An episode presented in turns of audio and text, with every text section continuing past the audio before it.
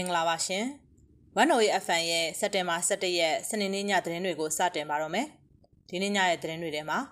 ဂံကောတိုက်ပွဲမှာစစ်ကောင်စီတပ်သား15ဦးသေဆုံးတဲ့သတင်း။မန္တလေးတပိတ်စစ်ကြောင်းကိုစစ်ကောင်စီကကားနဲ့တိုက်ဖြိုခွင်းခဲ့တာကြောင့်တဦးသေဆုံးပြီးနှစ်ဦးဖမ်းခံရတဲ့သတင်း။မကွေးမြတလွန်ဖျားအနီးမှာရှိတဲ့စစ်စေးဂိတ်တိုက်ခိုက်ခံရပြီးစစ်သား3ဦးဒဏ်ရာရရှိတဲ့သတင်း။ ခင်ဦးမြို့နယ်ကမိုင်တဲတာဝါတိုင်း9ခုနဲ့တပိတ်ကျင်းမြို့နယ်ကမိုင်တဲတာဝါတိုင်းတွေမိုင်းခွဲဖျက်ဆီးခံရတဲ့တဲ့ရန်ကုန်မြို့အတွင်းစီရေးလှုပ်ရှားမှု၉ခုလုပ်ခဲ့တယ်လို့ဖာစာလာတာကထုတ်ပြန်လိုက်တဲ့တဲ့နေပြည်တော်နဲ့စကိုင်းတိုင်းရွှေဘုံမြို့ကစစ်ကောင်စီသတင်းပေးတွေပြစ်ခတ်တပ်ဖြတ်ခံရတဲ့တဲ့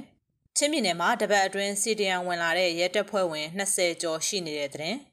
ဖန်မြို့မှာရှိတဲ့စီးပွားရေးလုပ်ငန်းရှင်တချို့စစ်ကောင်စီကဖမ်းဆီးလိုက်တဲ့တဲ့ စတဲ့သတင်းတွေအပြင် PR နဲ့နိုင်ငံရေးမရင်းကျင့်ပြီးနောက်ပေါက်ကအာဏာခွဲယူဖို့ပြင်နေတဲ့စေအုပ်စုဆိုတဲ့စောင်းမနဲ့နိုင်ငံတကာသတင်းတွေကိုနားဆင်ရမှာပါ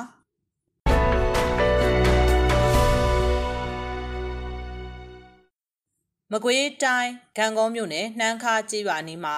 စက်တင်ဘာ10ရက်နေ့မနက်ပိုင်းကအကြမ်းဖက်စစ်ကောင်စီတပ်တွေနဲ့ မကွေး PDF တို့အကြားနှစ်ဖက်တိုက်ပွဲဖြစ်ပွားခဲ့ရမှာစစ်ကောင်စီဘက်က15ဦးသေဆုံးခဲ့တယ်လို့ကံကောမြို့နယ်ပြည်သူ့ကာကွယ်ရေးတပ်ဖွဲ့ကထုတ်ပြန်လိုက်ပါတယ်။တိုက်ပွဲတွင်စစ်ကောင်စီတပ်သားတွေသေဆုံးခဲ့ပေမဲ့မကွေး PDF ဘက်ကတော့ထိခိုက်ဒဏ်ရာရရှိသူမရှိဘူးလို့သိရပါတယ်။ဆိုပါတိုက်ပွဲမှာချင်းမျိုးသားတပ်ဦး CNF ကစစ်သည်10ယောက်အင်အားဖြည့်ကူညီခဲ့တယ်လို့သိရပါတယ်။တိုက်ပွဲအတွင်းစစ်ကောင်စီတပ်ဖွဲ့ဝင်တွေသေဆုံးခဲ့တာကြောင့် နှမ်းခါရွာကိုအညိုတကြီးဝင်ရောက်ပြီးဒေသခံတွေရဲ့နေ36လုံးကိုမိရှို့ဖျက်ဆီးခဲ့ပြီးနောက်ညနေပိုင်းမှာစစ်ကောင်စီတပ်တွေပြန်လည်ထွက်ခွာသွားခဲ့တယ်လို့သိရပါတယ်။စက်တင်ဘာ9ရက်နေ့ပြစ်ခတ်မှုမှာဂံကောမြို့နယ်မြင်းသားကြေးရွာကကြေးရွာကာကွယ်ရေးအဖွဲ့လူငယ်တွေနဲ့အပြစ်မဲ့ပြည်သူတွေအသက်ဆုံးရှုံးခဲ့ရတာကြောင့်ဂံကော PDF ကလက်တုံ့ပြန်ခဲ့တာဖြစ်တယ်လို့ထုတ်ပြန်ချက်မှာဖော်ပြထားပါတယ်။တန်ဖက်စစ်ကောင်စီက နှမ်းခါရွာနီးမြင်းသားရွာတွင်ဝင်ရောက်ပစ်ခတ်မှုကြောင့်ဒေသခံပြည်သူနဲ့လူငယ်20သေဆုံးခဲ့ပြီးနေမောင်း30ကျော်မိရှုခံခဲ့ရတယ်လို့ဒေသခံတွေထံကသိရပါဗျ။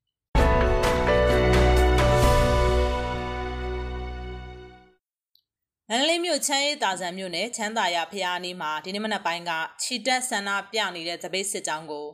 စစ်ကောင်စီတပ်ဖွဲ့ကကားနဲ့တိုက်ပြီးဖြိုခွင်းခဲ့တာကြောင့်နှစ်ဦးဖမ်းဆီးခံခဲ့ရပြီးတဦးသေဆုံးသွားတယ်လို့သိရပါဗျ။ ဆန္ဒပြပွဲမှာပါဝင်ခဲ့တဲ့စိုက်ကယ်တစ်စီးကိုကားနဲ့တိုက်ဖမ်းရမှာတဦးသေဆုံးခဲ့တာဖြစ်ပါတယ်။မင်းည7:00နာရီလောက်ကလည်းမဟာအောင်မြေမြို့နယ်တန်လျက်မော်အရှိရက်ကွက်မှာစစ်ကောင်စီတပ်က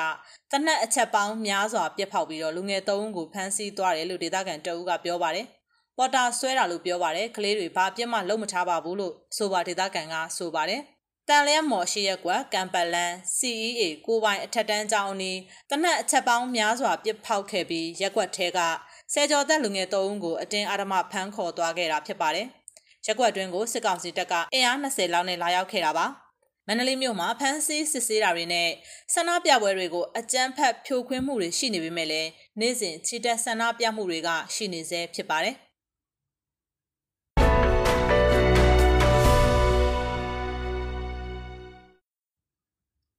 မကွေးမြို့မြို့ဟောင်းလမ်းမှာရှိတဲ့မြတလွန်ဖျားအောက်ခြေအနီးမှာ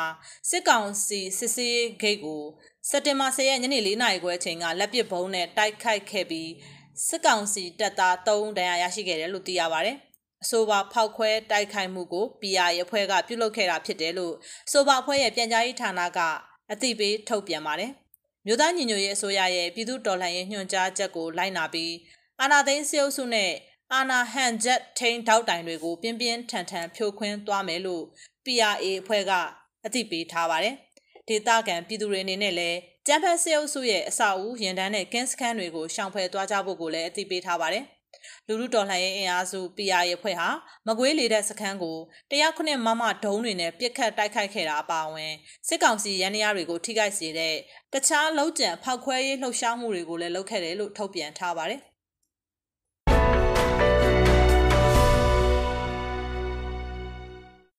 စကိုင်းတိုင်းဒေသကြီးခင်ဦးမြို့နယ်မှာရှိတဲ့အာနာသိန်းဆေးအုပ်စုပိုင်မိုင်တဲတယ်လီဖုန်းဆက်သွယ်ရေးတာဝါတိုင်းခုနှစ်ခုကိုဒေသကာကွယ်ရေးတပ်ခင်ဦး PDF ကစက်တင်ဘာ10ရက်နေ့မှာမီရှို့ဖောက်ခွဲဖျက်ဆီးလိုက်တယ်လို့ကြေညာပါတယ်။ခင်ဦး PDF ကဒီနေ့ကြေညာချက်မှာအသိပေးထုတ်ပြန်လိုက်တာပါ။ခင်ဦးမြို့နယ်အတွင်းငဒင်းကြီးကြီးရွာထနောင်းကိုင်းလေးလမ်းဆောင်အနီးရွာတစ်ကုန်းကျေးရွာအနီးတပင်ကောင်းရွာအနီးမထောင်းလှကျေးရွာနောက်ဖက်ချောင်းစုံကျေးရွာအနီး ရွာစဉ်ကျေးရွာအနီးမှာရှိတဲ့ဆဲအုပ်စုပိုင်မိုင်းတဲတာဝါတိုင်းတွေကိုဖောက်ခွဲဖျက်ဆီးလိုက်တာပါခင်ဦးမြောက်ဖက်မထောင်းလှကျေးရွာမှာဖျက်ဆီးခံလိုက်ရတဲ့မိုင်းတဲတာဝါတိုင်းကိုဒီနေ့မနက်7:00နာရီအချိန်က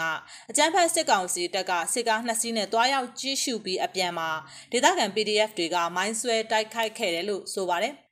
စစ်ကောင်စီကမိုင်းခွဲခံခဲ့ရပြီးတော့အပြန်အလန်းမှာပြည်သူနှစ်ဦးကိုပြစ်တက်သွားခဲ့တယ်လို့လည်းသိရပါတယ်။ မိုင်းခွဲခံခဲ့ရတော့တနက်နဲ့ရမ်းပြီးပြစ်ပါတယ်။ပြီးတော့ခင်ဦးကနေတွားကြိုတဲ့ကားနဲ့သုံးစီးပြန်လာတယ်။အပြန်မှာလမ်းကရွာသားနှစ်ဦးကိုတနက်နဲ့ပြစ်ပြီးကားပေါ်တင်သွားတယ်။စေးုံမှလည်းမရှိဘူးတဲ့။သူတို့လောင်းကိုဖျောက်ပစ်လိုက်ပြီလားမသိဘူးလို့ရွာသားကဆိုပါတယ်။ PDF ဘက်ကမိုင်းတလုံးသာဖောက်ခွဲခွင့်ရခဲ့တာကြောင့်ကားတစ်စီးသာပျက်စီးသွားခဲ့ပြီးတော့စစ်ကောင်စီတပ်သားတွေထိခိုက်မှုမရှိခဲ့ဘူးလို့သိရပါတယ်။ဒီနေ့မှာစစ်ကောင်စီတပ်တွေကရေဦးမြို့နယ်အတွင်းမိုင်းခွဲဖျက်ဆီးခံခဲ့ရတဲ့တာဝါတိုင်းတွေကို ကြီးစုစစ်ဆေးမှုတွေလုပ်နေပြီးတော့လမ်းသွားလမ်းလာပြည်သူတွေကိုလည်းဖမ်းဆီးပစ်ခတ်မှုတွေရှိနေခဲ့ပါတယ်။မန္တလေးတိုင်းဒေသကြီးတပိတ်ချင်းမြို့နယ်ကွင်း30ကျေးရွာဘောလုံးကွင်းနီးမှာရှိတဲ့မိုင်းတဲတာဝါတိုင်းကိုစက်တင်ဘာ17ရက်ဒီနေ့မနက်2နာရီဝန်းကျင်အချိန်ကမိုင်းခွဲဖျက်ဆီးလိုက်တယ်လို့နှီးစက်ရကျေးရွာသားတွေထံကသိရပါတယ်။အဲဒီလိုဖြစ်ပွားပြီးနောက်စစ်ကောင်စီနဲ့ရဲတပ်ဖွဲ့ဝင်တွေကလုံခြုံရေးအင်အားတွေတိုးမြင့်ထားတယ်လို့ဆိုပါတယ်။အလားတူပြီးခဲ့တဲ့စက်တင်ဘာ9ရက်နေ့ကလည်းတပိတ်ချင်းမြို့နယ်၄မိုင်ကျေးရွာအနီးမှာရှိတဲ့ မိုင်တဲတာဝါတိုင်းတစ်ခုဟာလည်းမိုင်းခွဲဖျက်ဆီးမှုခံခဲ့ရပါတယ်။တနိုင်ငံလုံးအတိုင်းအတာနဲ့စက်တင်ဘာ9ရက်နေ့တရက်ထဲမှာ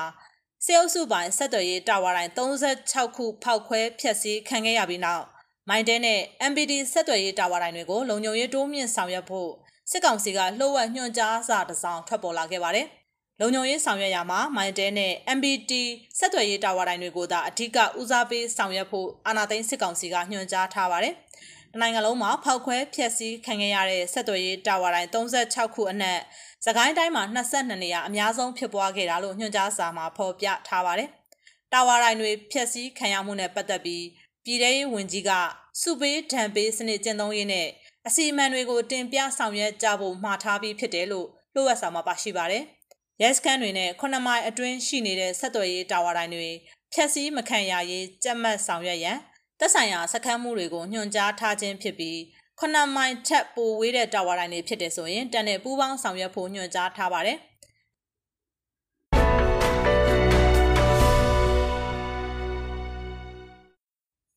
ဆီယနာရှင်စန့်ကျင်ရေးခုခံတွန်းလှန်စစ်ဖြစ်စက်တင်ဘာပထမပတ်အတွင်းရန်ကုန်မြို့မှာစစ်ရေးလှုပ်ရှားမှု၉ခုလုပ်ခဲ့တယ်လို့ဖက်စစ်စန့်ကျင်ရေးလက်ယုံတပ်ဖွဲ့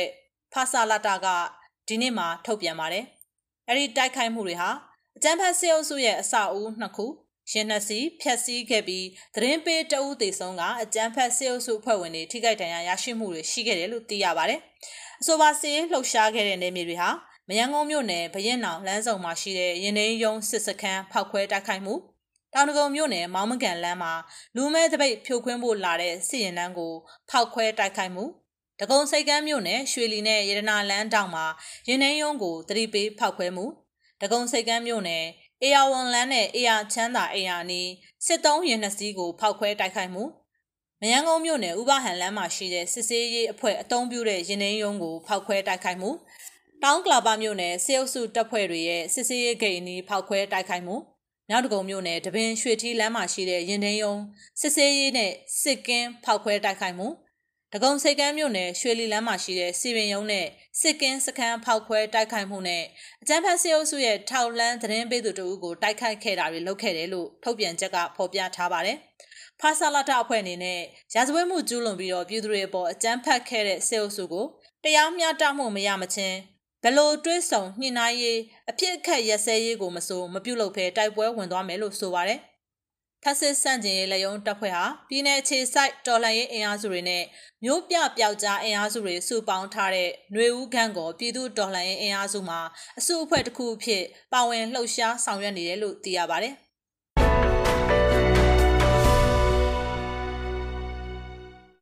နေပြည်တော်ဥတ္တရတီရီမြို့နယ်မောင်ရန်ကျေးရွာအုပ်စုမောင်ရန်ကျေးရွာကစစ်ကောင်စီသတင်းပေးလို့နာမည်ထွက်နေတဲ့ဒေါ်ခင်မာသေးကိုသူ့ရဲ့နေမှာ နေပြည်တော် PDF နဲ့ပေတနိုး PDF တို့ပူးပေါင်းပြီးရှင်းလင်းနိုင်ခဲ့ကြောင်းသိရပါဗျ။ဟုတ်ပါတယ်တနက်နဲ့နှစ်ချက်ပစ်ခဲ့တာပါလို့ဗေဒနိုးပြည်သူ့ကာကွယ်ရေးတပ်တာဝန်ရှိသူတို့ကဆိုပါတယ်စက်တင်ဘာ10ရက်ည9နာရီကျော်အချိန်ကဒေါခင်မာသေးကိုသူ့ရဲ့နေအိမ်မှာရှိနေစဉ်တနက်နဲ့ပြစ်ခတ်ခံခဲ့ရပြီးတေဆုံးသွားခဲ့တယ်လို့ဗေဒနို PDF ကသူ့ရဲ့လူမှုကွန်ရက်စာမျက်နှာမှာအသိပေးဖော်ပြပါတယ်။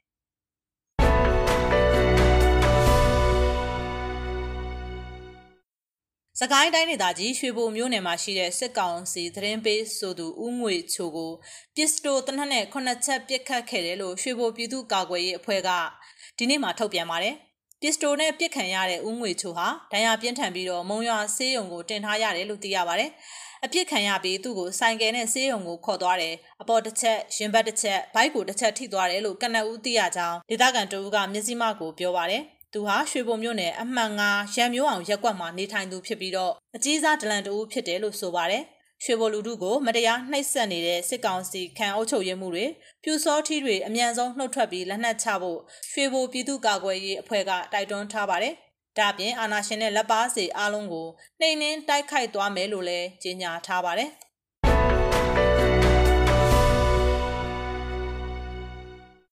မကွေးတိုင်းဒေသကြီးရေစကြိုမြို့နယ်မဟုတ်အလဲရွာမှာဒီနေ့မနက်အစောပိုင်း9နာရီအချိန်ကဆန္ဒပြတပိတ်ဦးဆောင်သူတဦးရဲ့အိမ်နဲ့တခြားနီးစပ်တဲ့နေ6လုံးကိုစစ်ကောင်စီတပ်တွေကဝင်ရောက်ရှာဖွေခဲ့ပြီးအဲ့ဒီအိမ်တွေကနေငွေကျပ်3သိန်းယူဆောင်သွားတယ်လို့ဒေသခံတွေထံကသိရပါတယ်။ PDF တွေတပိတ်ခေါင်းဆောင်တွေကိုလာရှာတာလို့ပြောတယ်ဘသူကမှတော့ဖမ်းမသွားဘူးရွာသားတွေကတော့လက်တလောရွာထဲကနေထွက်ပြေးနေရတာပေါ့အဓိကဝင်မှွေသွားတာတပိတ်ခေါင်းဆောင်တယောက်ရဲ့အိမ်မဲလို့ဒေသခံတို့ကဆိုပါတယ် စစ်ကောင်စီတပ်တွေကတပိတ်ခေါင်းဆောင်ကိုဝေယံနိုင်ရဲ့အိမ်ကိုဝင်ရောက်ရှာဖွေမှုတွေလုပ်ခဲ့ပေမဲ့ဆိုပါအိမ်မှာလူနေထိုင်ခြင်းမရှိဘူးလို့သိရပါဗျ။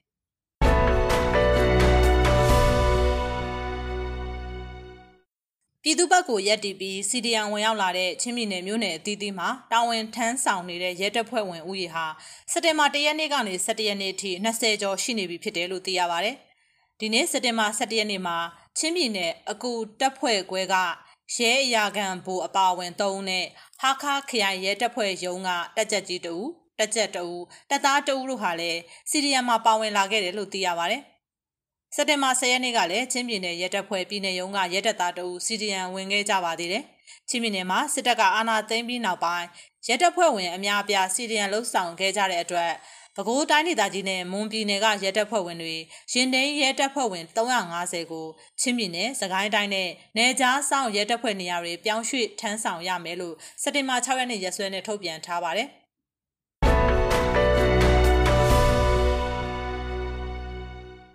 ချင်းပြည်နယ်မင်းတပ်မြို့နယ်တိုင်းနယ်အမှတ်နှစ်အတွင်းမှာရှိတဲ့ပြည်သူတွေအနေနဲ့ တော်လိုင်းရေးဂျားကာလအချိန်မှာဒေတာအတွင်းကုန်စည်ဈေးနှုန်းကိုစံဈေးနှုန်းတစ်ခုသတ်မှတ်ရောင်းချဝယ်ယူနိုင်ဖို့သတ်မှတ်ဈေးနှုန်းကိုပြည်သူ့အုပ်ချုပ်ရေးအဖွဲ့ကဒီနေ့မှကြေညာပါရယ်ပြည်သူတွေအနေနဲ့တကွဲတပြားမဖြစ်စေပဲတပြေးညီဖြစ်စေကပြည်သူတဦးတယောက်မှတာဒီနာဒီမဖြစ်စေဖို့ကုန်စည်နှုန်းတွေကိုသတ်မှတ်လိုက်တယ်လို့တိုက်နယ်အမှတ်နှစ်ပြည်သူ့အုပ်ချုပ်ရေးအဖွဲ့ကထုတ်ပြန်ကြေညာပါရယ်မင်းတပ်မြို့နယ်မှာတိုက်နယ်၉ခုရှိပါတယ်အခုလိုတိုက်နယ်လိုက်လုတ်ပိုင်ခွင့်ပေးထားတဲ့သဘောပေါ့ တမျိုးနယ်လုံးရဲ့ပြည်သူ့အုပ်ချုပ်ရေးအဖွဲ့ကဈေးနှုန်းကိစ္စဝင်ရောက်ဆွတ်ဖက်တာတော့မရှိပါဘူးကိုတိုက်နယ်လိုက်စံတက်မှတ်နှုံးတွေပေါ့တချို့တိုက်နယ်တွေကလည်းဒီလိုစံတက်မှတ်နှုံးထုတ်လာတယ်ဆိုတော့ Federal အရေးငွေတွေရလာတဲ့အတွက်ဝမ်းသာရပါတယ်လို့တိုက်နယ်အမှတ်နှစ်ဒေသခံတအုပ်ကပြောပါတယ်ဆိုပါထုတ်ပြန်ချက်မှာကျမတကောင်ရဲ့အမြင့်ဆုံးဈေး15000ကျပ်ကျဖတကောင်ရဲ့အမြင့်ဆုံးဈေး2500ကျပ်ဝတ်သားတပိတ်တာ8000ကျပ်ဝက်အကောင်3စုပ်လင်3သိန်းကျပ် ဝက်အကောင်၄စုပ်လျင်2သိန်းကျပ်နနောက်အသားတပိတ်တာ12000ကျပ်နနောက်မကြီးအမြင့်ဆုံးဈေး6သိန်းကျပ်နနောက်အထီးအမြင့်ဆုံးဈေး14သိန်းကျပ်တောင်မော်ရိုးရစံတပီကို2000ကျပ်နေစားလောအားကအဖြစ်မနက်၈နာရီကနေညနေ၄နာရီထိ6000ကျပ်သတ်မှတ်ထားပြီးတနက်စာကျွေးမွေးရမယ်လို့ပါရှိပါတယ်အဆိုပါဒေသမှာအကောင်ရဲ့အလျားလိုက်တိုင်းထွာရမှာ လက်တထောင်ကိုလဝါဖြန့်မတိုင်းပဲလက်သီးဆုပ်တိုင်းထွာရရှိတဲ့အရှိကိုလက်တဆုပ်ဟုသတ်မှတ်ခေါ်ပေါ်ပါတယ်။အကောင်ရောင်းဝယ်ပြုလုပ်ရမှာတဆုပ်နှစ်ဆုပ်စသည်ဖြင့်တိုင်းထွာရောင်းချကြတာပါ။ဆိုပါထုတ်ပြန်ချက်ဟာအမိန်ထုတ်ပြန်တဲ့နေ့မှစပြီးတော်လှန်ရေးဂျားကာလာအောင်မြင်တဲ့အထိအမိန်တက်ရောက်ရမှာဖြစ်တယ်လို့တိုက်နယ်အမှတ်နှစ်ပြည်သူ့အုပ်ချုပ်ရေးအဖွဲ့ကထုတ်ပြန်ထားတာပါ။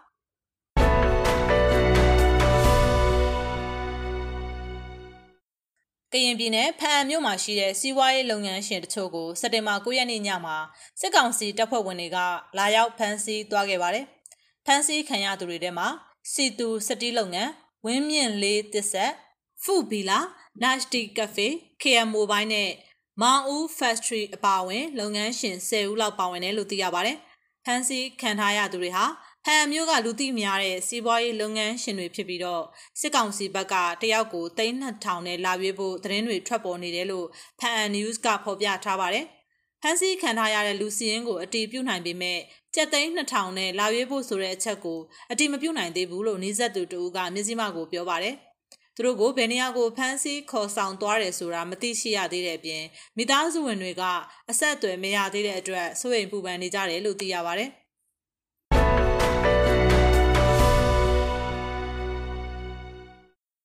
မန္တလေးမြို့မှာအုပ်စုဖွဲ့ဖောက်ထွင်းမှုတွေညစဉ်ဖြစ်ပွားနေတာကြောင့်မြို့ကန်တွေအနေနဲ့စိုးရိမ်ပူပန်နေရတယ်လို့သိရပါဗျ။ညစဉ်စစ်ကောင်စီလက်နက်ကင်နေလှည့်ပတ်နေတဲ့ကြားကဖောက်ထွင်းမှုတွေဖြစ်ပွားနေတာပါ။စက်တင်ဘာ10ရက်နေ့ကစတင်ပြီးအုပ်စုဖွဲ့ဖောက်ထွင်းမှုတွေပုံမများပြားလာနေပြီး63လမ်း64လမ်းကြား38လမ်း38လမ်းကြားမှာစက်တင်ဘာ10ရက်နေ့တညထဲမှာပဲနေ9လုံးဖောက်ထွင်းခံခဲ့ရပြီးတော့မျက်မြင်တအူးရဲ့အဆိုအရ light truck ကားတစ်စီးနဲ့လူ73ပါဝင်တယ်လို့သိရပါတယ်။ဖောက်ထွင်းနေတာကိုမြင်ရင်တော့အော်ဟစ်ပြီးဘေးရင်ကိုအကူအညီမတောင်းရဘူးအသက်အန္တရာယ်စိုးရင်ရတယ်လေ။ဘယ်ကိုမှလည်းတိုင်ကြားလို့ရနိုင်တဲ့အခြေအနေမှာမရှိဘူးအခုလိုကာလာမျိုးမှာကားလို့အဆိုပါမျက်မြင်တူကပြောပါတယ်မန္တလေးမြို့မှာအဲ့ဒီလိုအုပ်စုဖွဲ့ဖောက်ထွင်းမှုတွေဖြစ်နေတဲ့အပြင်လမ်းပေါ်တွေမှာလည်းအုပ်စုဖွဲ့လူရတာတွေမကြာခဏဖြစ်ပွားနေတယ်လို့သိရပါတယ်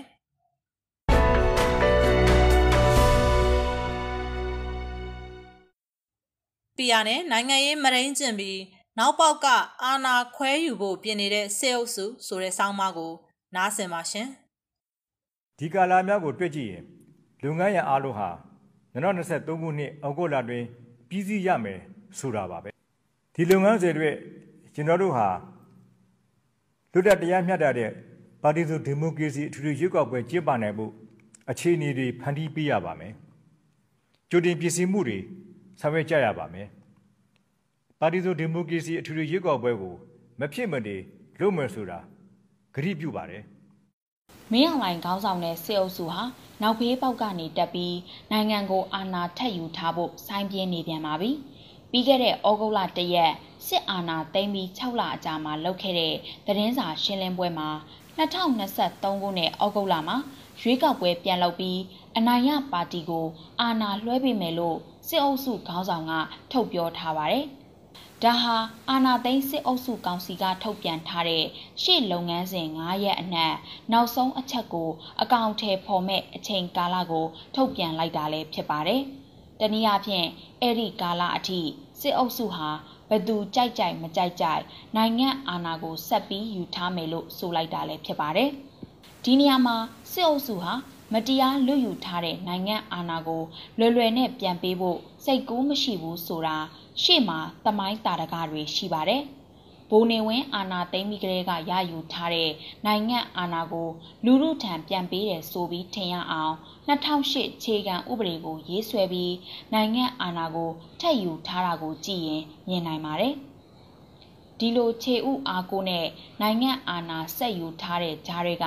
ခြေဥရဲ့အားနည်းချက်စစ်အုပ်စုနဲ့ သူ့ဘက်တော်သားမှန်သမျှကို နိုင်ငံရေးနယ်ပယ်ကထုတ်ချင်တဲ့လူထုရဲ့စိတ်ဆန္ဒက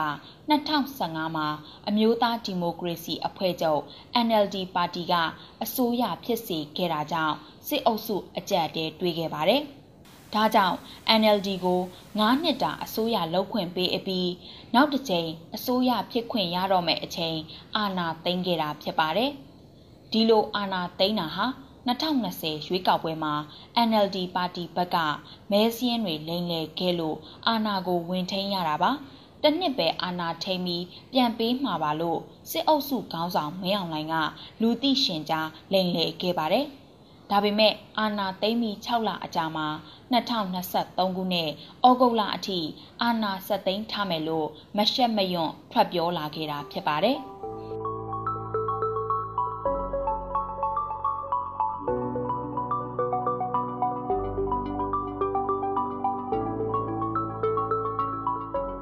အာနာသိမ့်မှုမတိုင်ခင်2008ခြေဥအောင်မှာအထွေထွေရွေးကောက်ပွဲနဲ့ကြားဖြတ်ရွေးကောက်ပွဲတွေလုပ်ခဲ့တဲ့နေရာမှာနိုင်သူအကုံယူစနစ်နဲ့ပြုလုပ်ခဲ့တာဖြစ်ပါတယ်။ဒီစနစ်ဟာရွေးကောက်ခံကိုယ်စားလှယ်အများစုရှိတဲ့ပါတီကအစိုးရဖြစ်ခွင့်ရတဲ့စနစ်ပဲဖြစ်ပါတယ်ဒီစနစ်ကို2010ရွေးကောက်ပွဲကလေးကကျင့်သုံးခဲ့တာဖြစ်ပါတယ်2010ရွေးကောက်ပွဲမှာကြန့်ခိုင်ရေးပါတီကညင်နီးပေါင်းစုံနဲ့လှုပ်ဆောင်ခဲ့တာကြောင့် ကိုယ်စားလှယ်အားလုံးနီးပါးအနိုင်ရခဲ့လို့အစိုးရလုပ်ခွင့်ရခဲ့ပါတယ်။အဲ့ဒီနီးတူ2015ရွေးကောက်ပွဲမှာလည်း NLD ကလူလူထောက်ခံမှုအပြည့်အဝနီးပါးရခဲ့လို့အစိုးရလုပ်ခွင့်ရခဲ့ပါတယ်။စစ်အုပ်စုဟာ2020ရွေးကောက်ပွဲမှာ NLD ပါတီကပဲပြည်လုံးကျွနီးပါးအနိုင်ရချိန်မှာတော့အာဏာမပေးချင်တာကြောင့်လက်နက်အားကိုနဲ့အာဏာသိမ်းခဲ့ပါတယ်။ အဲဒီနောက်နိုင်ငံရဲ့ရှေ့လုပ်ငန်း9ရက်ဆိုတာကိုဖော်ထုတ်ခဲ့ပါတယ်။ရှေ့လုပ်ငန်းစဉ်9ရက်ရဲ့နောက်ဆုံးမှာအရေးပေါ်ကာလဆိုင်ရာပြဋ္ဌာန်းချက်များနဲ့အညီဆောင်ရွက်ပြီးစီးပါကဖွဲ့စည်းပုံအခြေခံဥပဒေ2008ခုနှစ်နဲ့အညီလွတ်လပ်ပြီးတရားမျှတတဲ့ပါတီစုံဒီမိုကရေစီအထွေထွေရွေးကောက်ပွဲအားပြန်လည်ကျင်းပ၍အနိုင်ရသည့်ပါတီအားဒီမိုကရေစီစံနှုန်းများနဲ့အညီနိုင်ငံတော်တာဝန်အားလွှဲအပ်နိုင်ရေး ဆက်လက်ဆောင်ရွက်သွားမည်လို့ပါရှိပါတယ်။ဒါဟာစစ်အုပ်စုတင်ထားတဲ့နိုင်ငံအာဏာကိုစစ်အုပ်စုကြောထောင်နောက်ခံတဲ့စစ်အုပ်စုအလိုတော်ဤပါတီတွေကိုတစ်ဖက်လက်နဲ့အာဏာပေးပြီးအာဏာကိုဆက်ထိန်ထားဖို့ပြင်ဆင်ခဲ့တာဖြစ်ပါတယ်။ဒီလိုလှုပ်ဆောင်မှုအတွက်လည်းအရင်ကျင့်သုံးခဲ့တဲ့နိုင်သူအကုံယူစနစ်ကိုပြောင်းလဲဖို့စစ်အုပ်စုခေါင်းဆောင်မင်းအောင်လှိုင်ကအာဏာသိမ်းတဲ့ကာလမှာပြင်ဆင်နေပါတယ်။ ဒီစနစ်ကိုဖျက်သိမ်းပြီးအချိုးကျကိုစားပြု PR စနစ်ကျင့်သုံးမယ်လို့ဩဂုတ်လ24ရက်ထုတ်စစ်အုပ်စုအာဘော်သတင်းစာတွေမှာပါ အတီလင်းဖော်ပြလာပါပြီ။ဒီလိုလုပ်ဖို့အတွက်လဲ2020ရွေးကောက်ပွဲမှာထောက်ခံသူမရှိလို့အဆက်ပြန်းပြန်းကွဲခဲ့တဲ့နိုင်ငံရေးပါတီတွေကိုစီးယုံထားပြီးဘယ်ပီယာစနစ်ပုံစံဟာသူတို့အာဏာရရေးအတွက်အာမခံချက်ရှိမလဲဆိုတာကိုစမ်းစစ်နေကြပါပြီ။ ဒါဟာတစ်ဖက်ကဘာကိုပြနေတယ်လဲဆိုရင်လက်ရှိအာဏာသိမ်းမှုကိုစန့်ကျင်တော်လှန်နေတဲ့သူတွေစန့်ကျင်တော်လှန်မှုတိုင်းကိုသူတို့ထိန်းချုပ်နိုင်မယ်လို့တရည်တည်တွက်ဆထားတယ်ဆိုတဲ့အချက်ဖြစ်ပါတယ်။လက်ရှိလူလူရဲ့စန့်ကျင်တော်လှန်မှုကို2023ခုနှစ်ဩဂုတ်လအထိနှိပ်ကွပ်ထားနိုင်ပြီးရွေးကောက်ပွဲကျင်းပနိုင်မယ်လို့တထစ်ချယူဆနေတာဖြစ်ပါတယ်။ အဲ့ဒီနီးတူစစ်အုပ်စုကကျင်းပမဲ့ရွေးကောက်ပွဲမှာလက်ရှိရွေးကောက်ပွဲအနိုင်ရထားတဲ့ NLD ပါတီပြန်မပါလာနိုင်တော့ဘူးလို့သုံးသပ်ပြီးစစ်အုပ်စုထောက်ခံပါတီတွေအကြားအာဏာခွဲဝေရေးလုပ်နိုင်မှု PR စနစ်ကိုပြန်အသက်သွင်းလာတာလည်းဖြစ်ပါတယ်။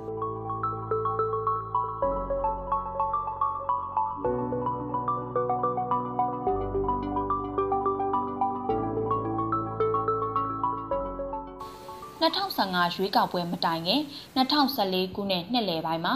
NLD ပါတီကတနိုင်ငံလုံးအတိုင်းအတာနဲ့ရွေးကောက်ပွဲဝင်ဖို့ပြင်လာတဲ့အခြေအနေမှာ PR စနစ်ကျင့်သုံးမှုစစ်အုပ်စုပုံပြောင်းကြန့်ခိုင်ရေးပါတီကစ조사ခဲ့ပါတယ်။သူတို့ရဲ့မိဖက်ပါတီဖြစ်တဲ့အမျိုးသားဒီမိုကရေစီအင်အားစု NDF ပါတီအမျိုးသားလွှတ်တော်အမတ်ဒေါခင်ဝိုင်းကြည်ကိုလွှတ်တော်မှာတင်သွင်းခိုင်းခဲ့ပါတယ်။ဒီတင်သွင်းမှုကို ကြန့်ခိုင်ရေး NDF နဲ့တက်ကိုယ်စားလှယ်တမတ်သားကထောက်ခံလို့အတီးဖြစ်ခဲ့ပါတယ်။ဒီ PR စနစ်ကိုကျင့်သုံးရင် NLD ရဲ့အနိုင်ရနိုင်ခြေကိုကန့်သက်ပြီးကြံစစ်အုပ်စုဘတ်တော်သားပါတီတွေလည်းနေရာရမှာပဲလို့တွက်ဆခဲ့ကြပါတယ်။ဒါပေမဲ့2015ရွေးကောက်ပွဲမှာဒီစနစ်ကိုမသုံးနိုင်ခဲ့လို့ NLD ပါတီအနိုင်ရပြီးအစိုးရဖွဲ့ခွင့်ရခဲ့ပါတယ်။ အဲ့ဒီနီးတူ2020ရွေးကောက်ပွဲမတိုင်ခင်ကာလမှာလဲစစ်အုပ်စုပုံပြောင်းကြန့်ခိုင်ရေးပါတီဘက်က PR စနစ်ကိုကျင့်သုံးမှုထပ်ပြီးအတန်ထုတ်တောင်းဆိုခဲ့ပြန်ပါသေးတယ်။ဒါပေမဲ့နိုင်သူအကုံယူစနစ်ကိုဆက်လက်ကျင့်သုံးခဲ့တာကြောင့် NLD ပဲပြည်လုံးကျွနီးပါအနိုင်ရပြီးကြန့်ခိုင်ရေးပါတီဟာတနိုင်ငံလုံးနီးပါဝင်ပြိုင်ခဲ့ပေမဲ့33နေရာသာအနိုင်ရရှိခဲ့ပါတယ်။ ထို့အတူကြန့်ခိုင်ရေးပါတီနဲ့နှီးစပ်တဲ့ကြံပါတီတွေဟာလည်းအမတ်နေရာတချို့တလေသာရခဲ့ပြီးတချို့ပါတီဆိုရင်တနေရာမှကိုမရခဲ့ပါဘူး။ PR စနစ်ကိုအသက်သွင်းဖို့စစ်တပ်နဲ့သူ့ဘက်တော်သားနိုင်ငံရေးပါတီတွေစ조사ခဲ့တာဟာလူမှုထောက်ခံမှုအားကောင်းတဲ့ NLD ပါတီအာဏာကုန်မရသွားရေးဖြစ်ပါတယ်။ ဒါပေမဲ့သူတို့ရဲ့စူးစမ်းမှုတိုင်းဟာလွတ်တော်ရှိနေတဲ့ကာလမှာတောင်မအောင်မြင်ခဲ့တာကြောင့်အခုလိုစစ်တပ်အာဏာသိမ်းပြီးလှုပ်ချင်တာလှုပ်လို့ရနိုင်နေတဲ့ကာလမှာထပ်ပြီးအသက်သွင်းဖို့စူးစမ်းလာတာဖြစ်ပါတယ်။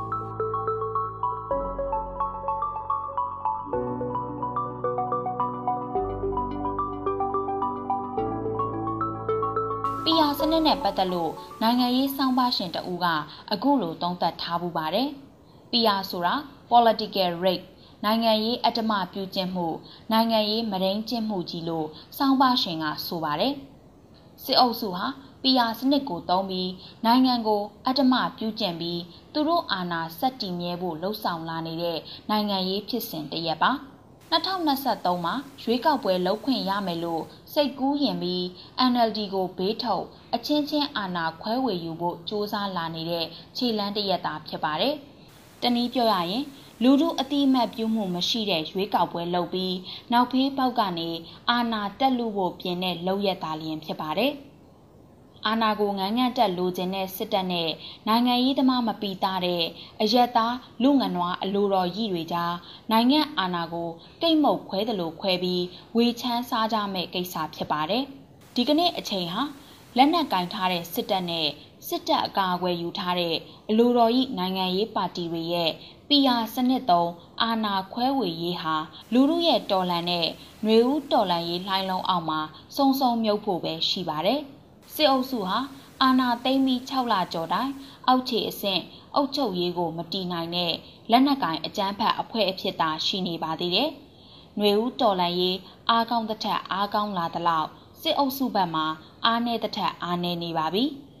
လူမှုစန့်ကျင်တော်လှန်မှုကိုနိုင်ငံတော်ဝန်မှကြုံတွေ့နေရသလိုနိုင်ငံတကာကလည်းအတိအမှတ်ပြုတာကြောင့်မျက်ဖြူဆိုင်အတန်ငင်နေပါပြီ။လက်နက်နဲ့တိဆောက်ထားပြီးစစ်အုပ်စုရဲ့နောက်ဆုံးခံတပ်ဖြစ်တဲ့စစ်တပ်ထဲမှာတော့ဒဇာချင်းပြိုကွဲပြီးစီးလုံးမှုပြပြနေပါပြီ စစ်အုပ်စုနဲ့သူတို့ရဲ့အပေါင်းပါ အလိုတော်ဤနိုင်ငံရေးပါတီတွေရဲ့ PR စနစ်သုံးအာဏာခွဲဝေယူရေးအစီအမံဟာຫນွေဦးတော်လှန်ရေးကြောင့်နေလာနှင်းပြောက်သလိုဖြစ်တော်မှာပါ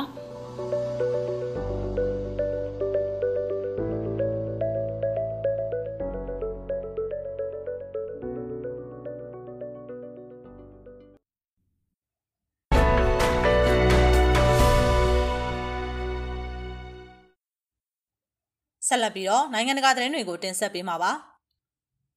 မြန်မာအိန္ဒိယနယ်စပ်မီဇိုရမ်ပြည်နယ်လုံလေမြို့မှာမြန်မာနိုင်ငံသားတူလူသက်မှုတန်တရားနဲ့ဖမ်းဆီးခံထားရပါတယ်မြန်မာအိန္ဒိယနယ်စပ်အိန္ဒိယနိုင်ငံမီဇိုရမ်ပြည်နယ်လုံလေမြို့ချမ်မာရီရက်ကွက်က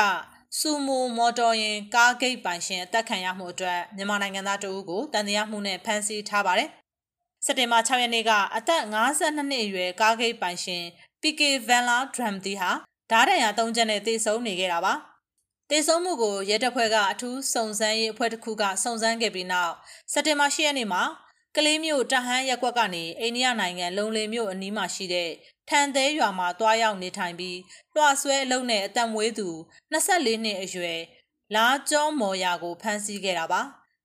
သတင်းပေးချက်တွေနဲ့တန်တရားဖြစ်ဖွယ်အထောက်အထားတွေအရသူ့ကိုဖမ်းဆီးခဲ့တာဖြစ်တယ်လို့အထူးစုံစမ်းရေးရဲတပ်ဖွဲ့တာဝန်ရှိသူကစက်တင်ဘာ10ရက်နေ့မှာလုပ်ခဲ့တဲ့သတင်းစာရှင်းလင်းပွဲမှာပြောပါတယ်။တန်တရားတရားခံဟာသွားလျာမှာဓမြောင်တလက်ယူဆောင်သွားလေးရှိကြောင်းလည်းအဆိုပါတာဝန်ရှိသူကပြောပါတယ်။ဒါပေမဲ့တန်တရားတရားခံကကျူးလွန်ကြောင်းဖြောင်းချက်ပေးထားတာမရှိပါဘူး။မြန်မာနိုင်ငံမှာအာဏာသိမ်းခံရပြီးနောက်ပိုင်းမြန်မာနိုင်ငံသားတွေဟာမီဇိုရမ်ဒေသမှာခိုလုံရောက်ရှိနေကြပါတယ်။ မီဇိုရမ်မှာမြန်မာနိုင်ငံသားတွေရာဇဝတ်မှုတစ်ခုခုကျူးလွန်ချိန်တွေမှာမီဇိုရမ်ရောက်နေတဲ့မြန်မာနိုင်ငံသားတွေပြန်လည်နှင်ထုတ်ခံရခြင်းအပါအဝင်အနှောက်အယှက်များစွာကြုံရလိမ့်ရှိပါတယ်။ဆိုပါလူသက်မှုနဲ့ဆွဆွဲဖမ်းဆီးခံရမှုနဲ့ပတ်သက်ပြီးတော့တာဟန်မီဇိုလူငယ်အတင်းကကျူးလွန်သူကိုရှုတ်ချကြောင်းနဲ့အသက်ခံရတဲ့မိသားစုအတွက်လွန်စွာစိတ်မကောင်းဖြစ်ရကြောင်းထုတ်ပြန်ခဲ့ပါတယ်။ အခင်းဖြစ်ပွားရာလုံလင်မြို့အခြေဆိုင်ချင်းလူမှုရေးအသင်းကလည်းလူသက်မှုအတွက်စိတ်မကောင်းကြောင်းနဲ့အမှုမှန်ပေါ်ပေါက်ရေးကူညီနိုင်တဲ့အရာတွေကိုကူညီပေးမယ်လို့ကြေညာချက်တစ်စောင်ထုတ်ပြန်ခဲ့ပါတယ်။